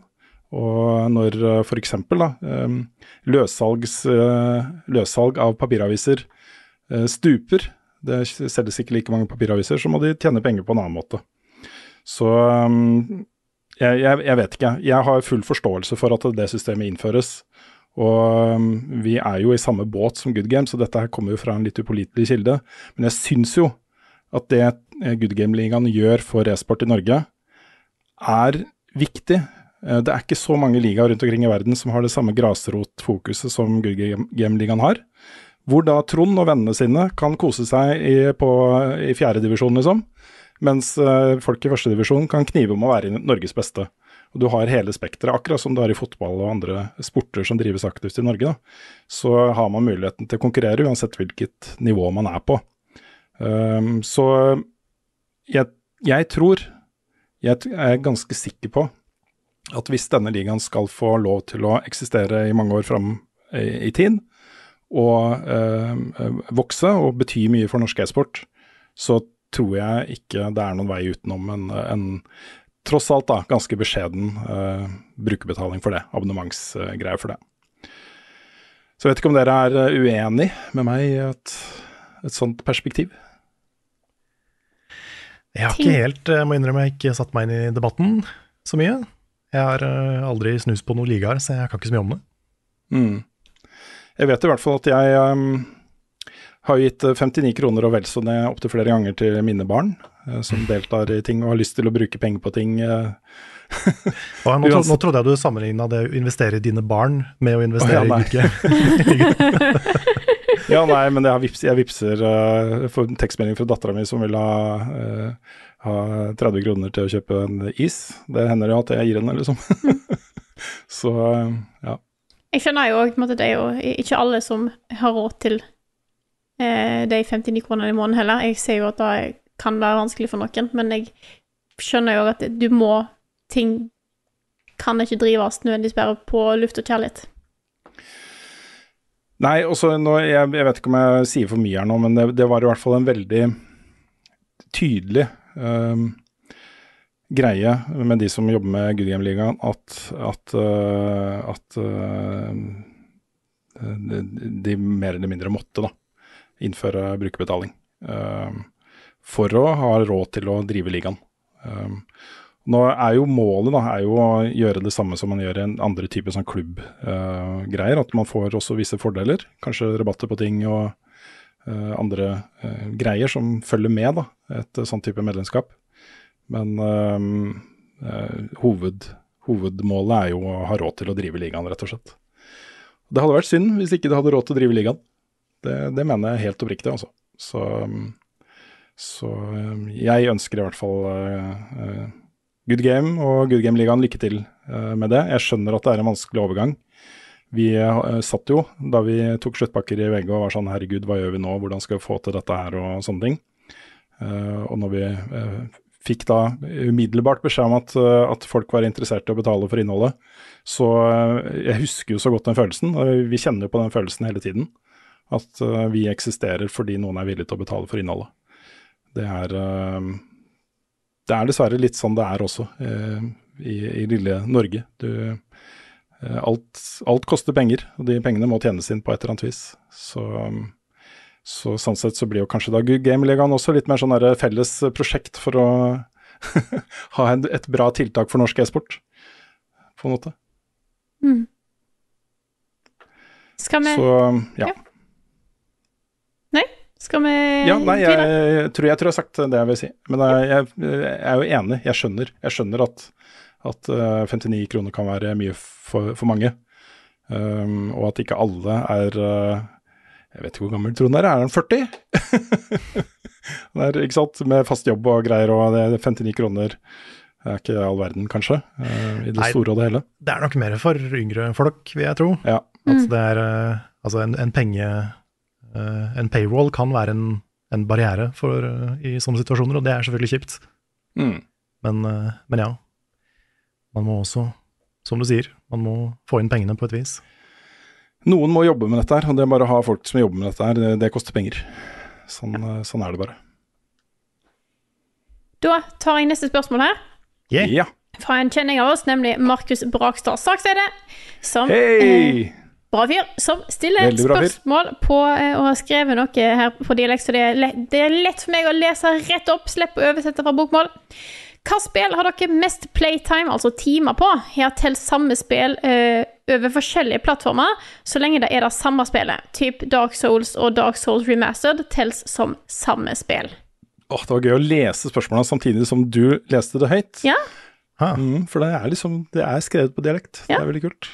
Det er ikke så langt mellom våre, våre dialekter, så det, da er det veldig greit for meg. Det er skrevet på fri, Fridamål. Ja, vi skulle tatt en konkurranse. I, Carl og jeg også skulle lese opp den samme meldingen og, og se hvem som er, kommer nærmest dialekta. Mm -hmm. Ja. Kan jeg, jeg, kan i hvert fall, jeg kan jo lese at det er forskjell mellom meg og Markus, men uh, Yes, men uh, mest playtime. Jeg tror nok at jeg har ganske pingletall i, i forhold til noen av dere. Jeg tror du har rett. jeg, tror, jeg, tror, jeg også har pingletall i forhold til en av oss. Ja. jeg kan jo starte med at jeg har dessverre ikke tall på spillet jeg sannsynligvis har mest timer i. Eh, det står mellom to, tror jeg, i mitt hode. I hvert fall. Da er nok enten, men mest sannsynlig, Sonic Adventure 2 Battle. Eh, da inkluderer jeg både originalen, eh, remaken som er på PC, og Eller remake, sier jeg. Den, den HD-versjonen som er på PC, som jeg har spilt til jeg maksa en chow, eh, og den som er på PlayStation 3, som jeg òg spilte til jeg maksa en chow. Eh, jeg tror nok da er på topp. Nummer to er sannsynligvis The Sims 2. Mm. Da jeg har tall på av timer akkurat her foran meg, er at jeg har 218 timer i Don't Starve. Ja. Mm. Jeg har fire spill som jeg vet jeg har spilt mye. På toppen tror jeg kanskje er Minecraft. Ja. Fordi det spilte jeg mens jeg hørte på masse lydbøker og sånn, så det spilte jeg sjukt mye. Under der så er Final Fantasy 14. Det har jeg, skal vi se. Det kan jeg sjekke. 766 timer i. Ja. Så det er, eh, det, det er ganske mye for meg. Ellers så er det Elden Ring, som jeg, har, eh, som jeg spilte i over 500 timer i fjor. Fant jeg ut på PlayStation, Mhm. pluss da litt på PC. Og det siste er Worms Armageddon, som jeg ikke aner hvor mye jeg har spilt, men det er mye. Har du det på Steam? Ja, men, eh, men jeg hadde det ikke før på Steam. Å ja, OK. Jeg hadde det på, på, på sånn CD-rom, sånn som er det gamle På sånn. CD-rommen, jo. Mm. Mm. Disketter. Disketter. Jeg så gammelt var det ikke. Så gammel. Jeg er så gammel. Ja. Ja, men jeg har også brukt disketter. Ja, jeg Mm. Ja, Rune? Ja, nei, jeg, jeg, er- tidligere så har jeg vært usikker på hvilket spill som eh, lå øverst, fordi det er et par spill jeg har spilt før, som også har en god del timer i. Eh, Men nå er jeg vel ganske sikker på at eh, Destiny eh, eh, troner øverst. Eh, I hvert fall da hvis du kombinerer Destiny 1 og Destiny 2. Det syns jeg er fair å gjøre. Mm. Så, så er det noen eh, årsverk eh, der. De to andre spillene jeg har, eh, har eh, bikka 1000 timer på, for å si det sånn, eh, er Trackmania, Nations og Quake 3. Eh, Kanskje også Half-Life eh, 1 eh, i multiplayer, men i hvert fall Quake 3 og, Trackmania. Ellers så har jeg veldig mange spill som ligger og vaker rundt sånn 300-400-500 timer. Mm. Det er det gans der er det i hvert fall 20-30 spill, tror jeg, som, som ligger rundt der, da. Uh, også normalt, da. Et normalt uh, godt spilt uh, spill som jeg ender opp med å ta platinum i og, og sånne ting, så snakker vi kanskje sånn 60-70, da. Det er også, det er sjukt mange av. Men hvor mange uker, måneder, år er det før Pokémon Sleep blir det mest spilte spillet? Ja, det er et godt poeng. Fordi hvis de, hvis de timene du sover teller som gameplay, mm. Så blir det fort, da blir det fort ganske mye. Ja, nei, for det, det er ingen spill jeg i snitt har spilt uh, sånn seks, sju, åtte timer eh, eh, i døgnet. Nei. Og da kommer du jo uh, ganske kjapt opp i ganske høye ant høy, høyt antall timer. Det gjør det. Mm. Men felles da, for eh, de jeg har spilt mest, eh, det er jo multiplayer. Um, så um, jeg tror hun vil noe, altså. Jeg tror hun eh, Enten så er det en ball som er forsvunnet til stedet hun ikke får tak i, eller så må hun uh, på do. Mm. Men mm. jeg skal ta tak i det når podkasten er ferdig. Hun står og piper bakerst. du. Ah, okay. Just, just dog things. Ja. Har du et eh, spørsmål, eh, Rune? Så kan vi fortsette videre. Det har jeg. Um, et fra Tom Carr, -hmm. som spør Hallo, folkens. Hvis dere skulle tatt en tatovering som er spillrelatert, f.eks. logo, colt eller slikt, hva ville dere valgt? Og jeg tar det fordi jeg har lyst til å ta tatovering, Ja. men får ikke lov av kona. Å, Å nei. Mm. ikke tramp stamp engang, liksom? Er det Nei. Nei, Du, du, du, får ikke, du får ikke property of også navnet på kona di. Nei, det er kanskje Nei, hun hadde ikke gått med på det heller. Ja, okay. Nei, Hun, hun, nei, hun vil ikke at jeg skal tatovere meg. Uh, men det hadde vært morsomt å gjort det samme som uh, Hank Moody i Californication. Og uh, Ronkel, som uh, våkner opp på en bender og har tatt hver sin trampstamp, sånn sommerfugl i, nederst på korsryggen. Mm. Sånne mannemenn. Det synes jeg var veldig morsomt. Um, Nei, men hva er det men du har hvis lyst jeg til å ta? skulle tatovert meg Jeg har lyst på full sleeve, egentlig. Okay. Bare sånn fordi jeg syns det ser kult ut. Men det, det hadde sikkert sett rart ut på meg. Men det hadde vært uh, gøy. Men eh, hva Det er er liksom kanskje en kombinasjon av flere spill, ikke sant. Ja, ja. Ja. Er det noen ting du vet du må ha der? Ja, hvis jeg bare skulle hatt én enkel tatovering eh, og lurt den inn under radaren til kona, så hadde det vært eh, Hunters Mark eh, på underarmen. På Ja. underarmen Det er kult. Det er kult. fra Bloodborne. Mhm. Jeg tror kanskje det hadde blitt noe eh, Enten liksom et av de symbolene fra Kingdom Hearts, kanskje. Eller noe fra Undertale. Kan- Kanskje The Delta Rune, for eksempel. Mm. Kunne jeg kanskje tatt. Men det måtte ha vært noe sånn litt low-key, som er et symbol du kjenner igjen, men ikke for noisy hvis du ikke gjør det, på en måte. Mm. Mm. Ja, for sånn sett kunne du på en måte tatt et pikselert hjerte fra fra til, for eksempel. Mm. For den er på en måte universal, men for, fra en plass. Ja, det er Mm. sant. Det er sant. But it refused under. Ja. Jeg husker den kuleste tatoveringa jeg har sett noen gang. Det er mye pga. dama hun var på, da. Men det var et utested vi hang mye på i gamle dager her i Oslo, hvor hun som jobbet der, hun var eh, ikke helskinna, men hadde veldig sånn kort, kortbarbert uh, hår. Og så hadde hun Hun var innmari pen, jeg må bare få sagt det, hun var kjempepen. Men hun hadde en drage da, som tatovert, den kom opp fra liksom ryggen hennes, og så med da halen inn opp på hodet. Um, og det, det bare altså så så fett ut at jeg er og taua oss. Det var så kult. Ha. Det er ikke lov å tatovere på hodet i Norge. Er det ikke det? Nei. Oi. Jeg tror for at jeg har, Dette spørsmålet har jo dukket opp iblant, og jeg har jo venner av meg som har tatovert seg. Jeg er altså en så overtenker at jeg hadde nok aldri klart å være sikker på at jeg hadde klart å velge noe jeg kunne likt, være sikker på at jeg hadde likt senere, og stressa noe så inn i granskauen over det. Så uh, I feel you. ja. Ja, jeg har sett såpass mange uh, sånne Hunters Mark-tatoveringer uh, på nett at jeg har ganske godt bilde av at eh, det, det hadde jeg ikke angra på, tror jeg, hvis jeg hadde tatt det. Åh, jeg har et, kan jeg endre svaret? Mm. Hvis jeg kunne hatt med liksom et sitat, jeg vet ikke åssen jeg skulle gjort det, fordi da blir det plutselig veldig svært. Da må du i hvert fall sørge for at det er stavet riktig, Karl. Ja.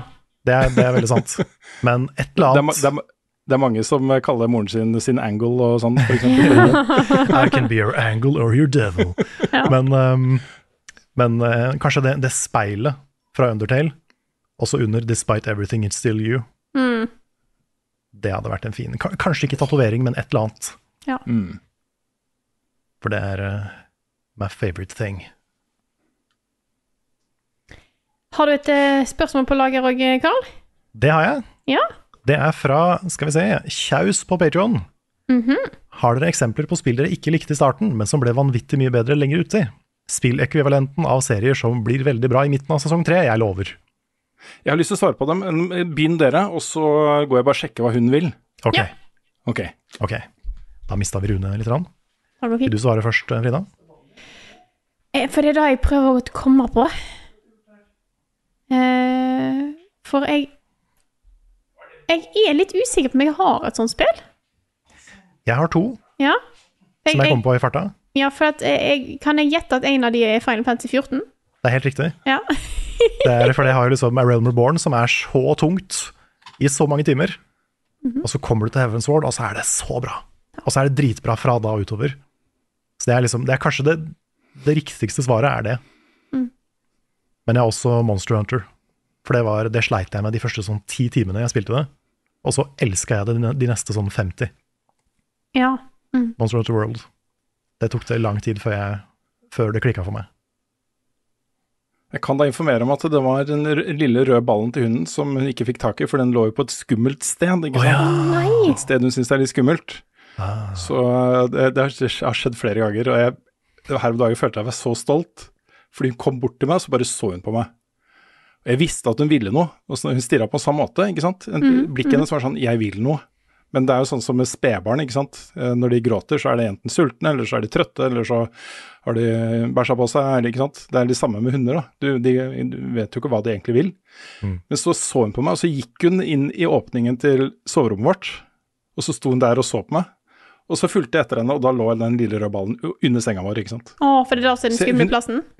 Hun, nei, det er jo, hun kommer ikke til der det er for lavt. Ja. Å. Men jeg, jeg blir så glad! Når hun har prøvd å fortelle meg noe, så skjønner jeg hva hun sier. ja. Ikke sant? Sånn som nå når jeg fant ballen hennes. Åh, det var det, er Ikke sant. Mm. Da føler jeg meg som en ordentlig eh, bra hundeeier. ja. Communication across species. Mhm. Yes. Mm. Nei, det er noe et eller annet med de der uttrykksfulle greiene og de behovene disse hundene har, som det er gøy å kunne dekke dem, ikke sant. Mm. Har du et spill, Rune, som blir eh, bra etter hvert? uh, ja, jeg vet ikke om dere har snakka om det, men eh, det er jo et par Altså uh, det, er, det, er litt, det er nesten litt juks, da, eller ikke helt innenfor det som han spør om. Uh, men sånne spill som Returnal og Dark Souls og Bloodborne og ting som det, du føler deg litt dum en god stund før du begynner å føle deg god og kul, Mm. eh, og du må over en terskel. Og det er så stor forskjell på Returnal de første ti timene og de neste ti, f.eks. Uh, og det å på en måte bli god i et spill som i utgangspunktet gir deg juling, skikkelig juling, Mm. uh, og du føler deg dum, det er, uh, det er en sånn type eh, opplevelse for meg, da. Eh, og så er det noen spill hvor um, egentlig begge Horizon-spillene har vært sånn Ok, de har starta bra, begge to, syns jeg. Eh, og så blitt ikke kjedelige, ikke dårlige heller, men litt sånn Tam. dette Litt sånn forglemmelig type opplevelser, syns jeg. Eh, men hvor de har avslutta kruttsterkt, begge spillene. Altså slutten på Horizon 1 og Horizon 2 var det som gjorde at jeg bikka opp til, til 8 av 10 eh, sjikt, eller som begge ganger, da. Så, og det er jo litt, det er litt den derre svøpen ved det å være spillanmelder, er jo det, da. Det hender av og til at slutten, eh, måten det avsluttes på, er så bra, eller så dårlig, at hele helhetsinntrykket ditt av opplevelsen blir påvirka av det. Mm. Uh, og der, derfor så er det ganske tidkrevende å anmelde spill. Jeg vet ikke om jeg ville putta Xenoblade Chronicles 3 der helt eller ikke, men det blir veldig mye bedre enn noe titalls timer uti. Ja, det er sant. Jeg synes det starter bra. Ja, Og så er det litt sånn derre Ok, nå kan de godt speede opp litt. Og så er det kapittel fem som er så bra. ja. Fire Ja. eller fem, ja. Som tar helt av. Mm. Så, eh, så, så jeg tror kanskje jeg ville putta det der. Ja. Da tar jeg et spørsmål eh, til meg. Ja. Dette er fra Christian Larsen, som skriver Hei, dette er et spørsmål til alle, men aller kanskje mest til Frida. Jeg er nettopp ferdig med en mastergrad, og med det lurer jeg på hvordan er det mulig å få tilbake leselysten og ork til å lese for moro igjen. Og da kan jeg svare, for nå har jeg tatt master og doktorgrad, og da kan jeg si jeg har ikke peiling. Jeg har ingen anelse. Jeg har null idé. ja, for har du det? Hadde, hadde du en leselyst som nå er borte? Ja. Mm. Jeg leste ikke mye, men jeg leste en del før. Eh, og den forsvant etter jeg kom til Trondheim eh, og begynte å lese veldig mye eh, faglitteratur. For Mm. du blir litt lei av den biten når det, alt det du gjør i løpet av en dag, er å eh, nilese på ting, og så kommer du hjem og skal slappe av, og da er ikke det å lese det som har dukka opp igjen hos meg. Eh, jeg hadde en liten periode for noen år siden der jeg havna inn i lydbøker igjen. Eh, og det funka for meg. Så, så tipset mitt er kanskje lydbøker. Da har jeg tenkt å ta opp igjen sjøl. Eh, prøve på det. Eh, fordi jeg har mist den, akkurat den leselysten har jeg ikke helt funnet igjen. Men det er òg fordi at jeg føler at jeg har ikke tid. Eh, og da er det litt synd. Så Ja, ja. Jeg har jo ikke doktorgrad i noe annet enn eh, Destiny, så, um, eh, og har også mistet leselysten. Mm. Jeg tror det er litt sånn tegn i tiden, dessverre. Og um, jeg er litt bekymra for mine egne barn også på, på dette her. For jeg merka liksom at de er gradvis mindre og mindre interessert i å faktisk sette seg ned og lese en bok. Da. Det står så langt ned på uh, lista over ting de har lyst til å gjøre, ikke sant. Mm.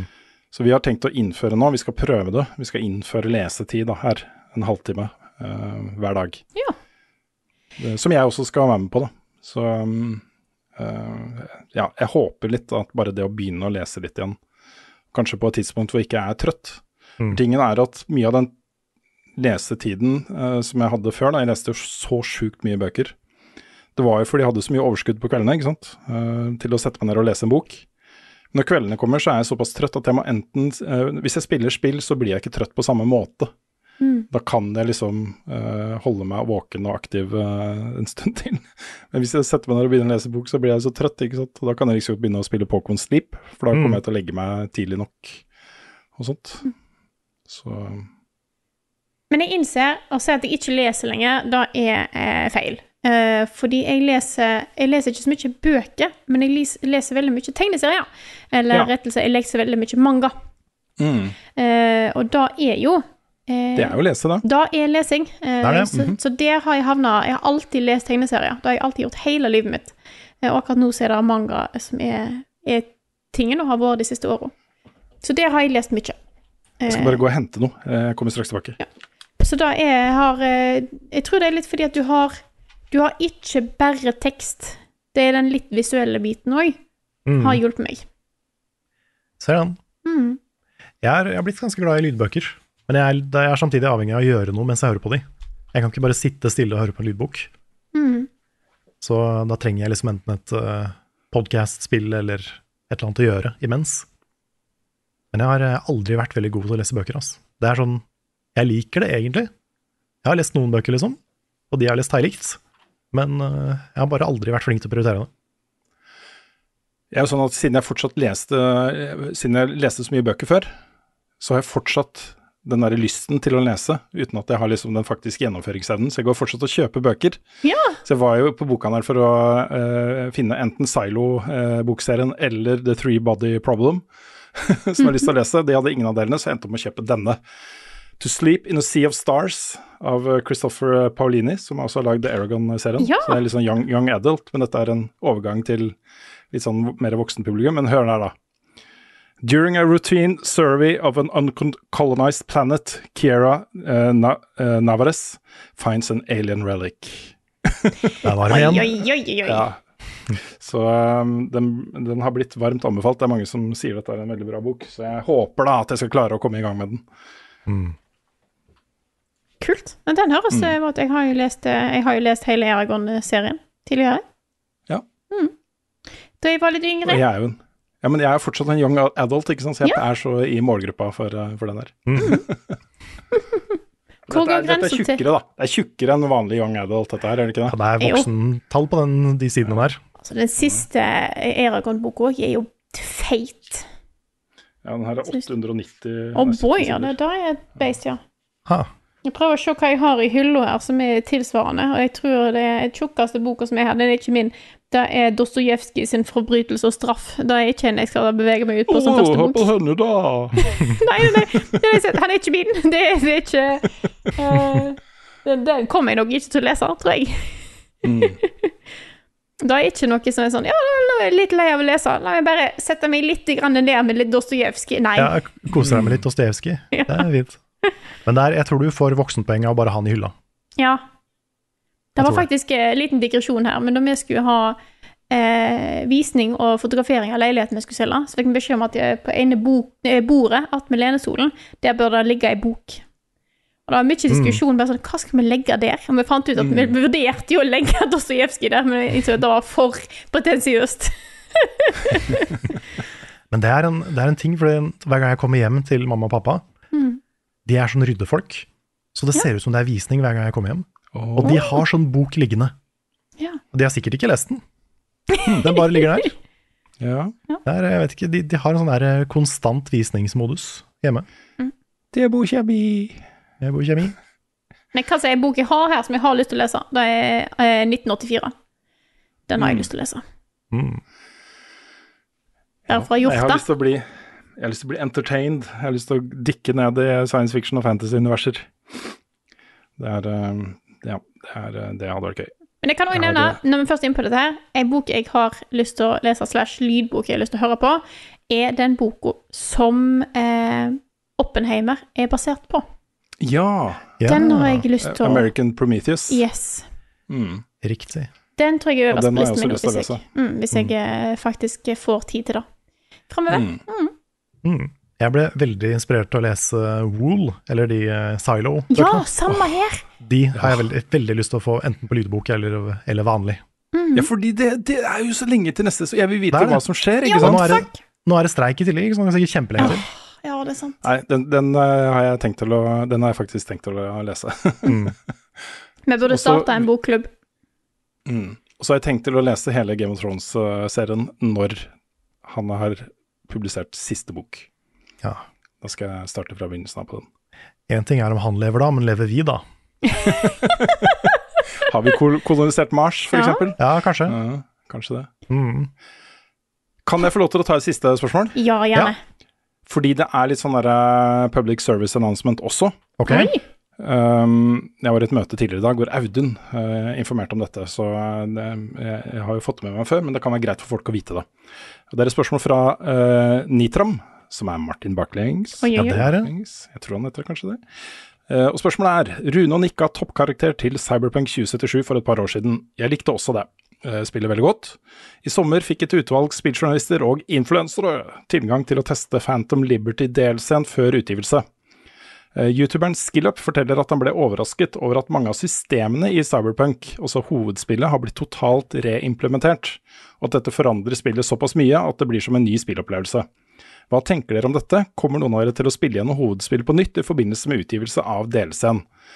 Um, og, og det som er PSA-delen av dette, er jo at hvis du har fortsatt ikke spilt Cyberpunk 2077, har lyst til å teste det, kan det være lurt til å, vente på da Phantom Liberty-delelsen som kommer i september.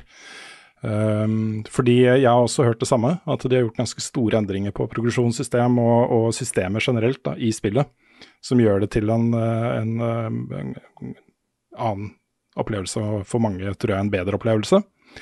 Uh, og jeg har, for å svare på spørsmålet hans, med vilje spart en playthrough til, til det. Fordi jeg har hatt lyst til å spille gjennom en gang til, som corporate, uh, men har med vilje venta, da. for jeg hørte jo ganske tidlig at det skulle komme en delelse, og hadde lyst til å vente til en god anledning til å spille en gang til. Da. Så jeg skal det. Jeg skal det. Og dette er sånn som jeg har forstått det. Liberty Uh, Phantom Liberty-delsen er implementert på samme måte som DLC i Horizon og uh, Bloodborne og sånt. At det blir på en måte en ny stor mission, en ny del, en ny bydel og greier som åpner seg gjennom uh, hovedspillet. Så du kan liksom bare spille fra starten av med en ny character, og så gå innom Phantom Liberty-delscenen, og så fortsette på hovedhistorien um, når du vil, da. Så, um, så jeg skal det er planen. Cool. Nice.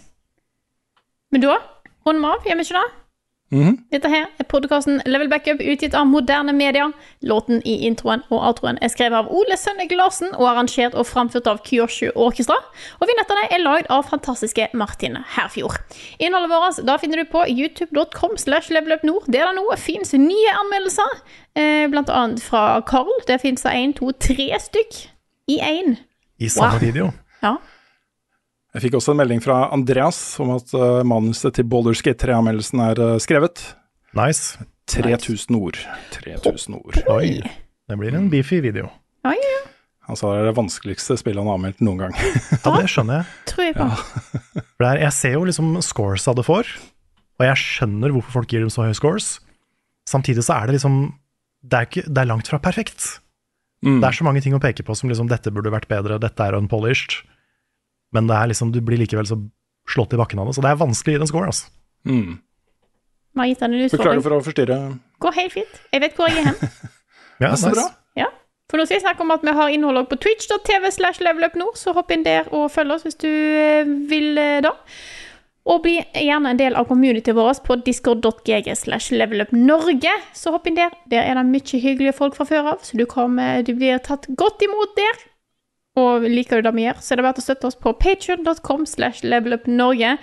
Tusen takk til alle som støtter oss, eh, og alle som har støttet oss, eh, og eh, som har lyst til å støtte oss, vil ikke ha midler til det. Eh, dere er bra folk. Vi kunne ikke klart oss uten den støtten vi får på Patreon. Så tusen, tusen takk. Tusen takk. Og tusen takk også til dere som logga inn og sjekka det problemet som vi har hatt de siste par månedene. Fordi det er mange som har kommet tilbake, og det er vi veldig letta for. Ja, det er kjempebra. Så tusen takk. Det er altså, Hvis ikke liten- du har fått det med deg, eh, Patreon endra betalingsgreier, info, og det som skjedde da, var at mange ble kasta ut. Så ta gjerne en kikk der hvis du støtter oss eller andre på Patreon, om eh, støtten din fortsatt ligger der. Kan jeg komme med en liten uh, surprise-nyhet sånn helt på slutten? også? Oi! Oi, ja, ja. Eh, Det ser ut til, folkens, at eh, kravet, folkekravet, eh, har blitt hørt. Eh, Vi har fått eh, jevnlig, eh, i hvert fall 15 e-poster og meldinger på sosiale medier.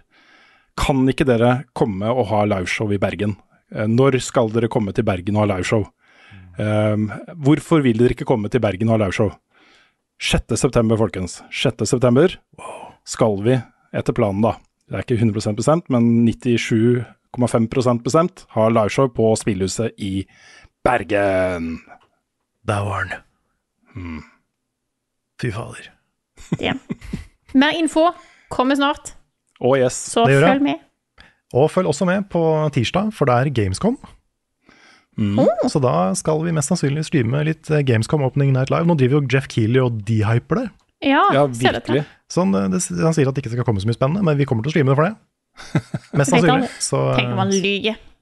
ja, tenk om. Tenk om han tar en eh, The Old One Two.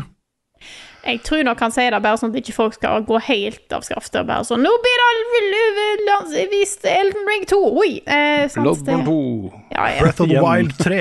Ja. Men ikke sant, tenk om det er en sånn derre At han faker oss ut.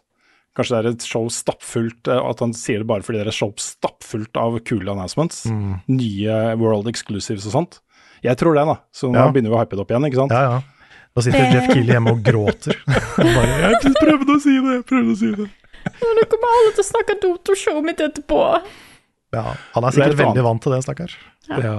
Det er et annet øh, showcase på, på tirsdag jeg er, er sugen på, da. Mm. Uh, det er jo, da skal Bungie vise fram The Final Shape for første gang. Yeah. Så det er jo avslutninga på den ti år lange historien om Destiny ikke sant? og Traveler og alle de greiene der. Så, så det er klokka seks på tirsdag. Da er jeg klar, ass. Kult.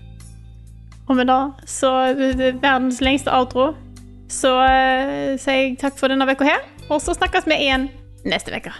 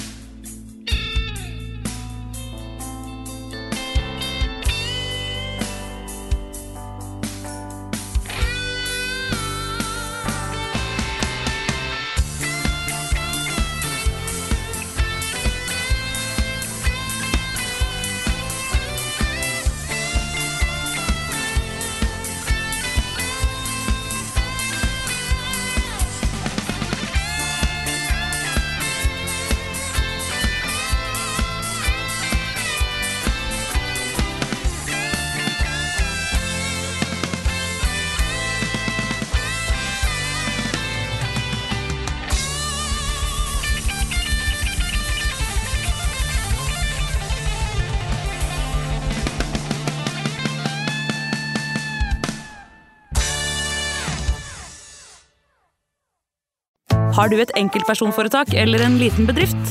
Da er du sikkert lei av å høre meg snakke om hvor enkelt det er med kvitteringer og bilag i fiken, så vi eh, gir oss her, vi. Fordi vi liker enkelt.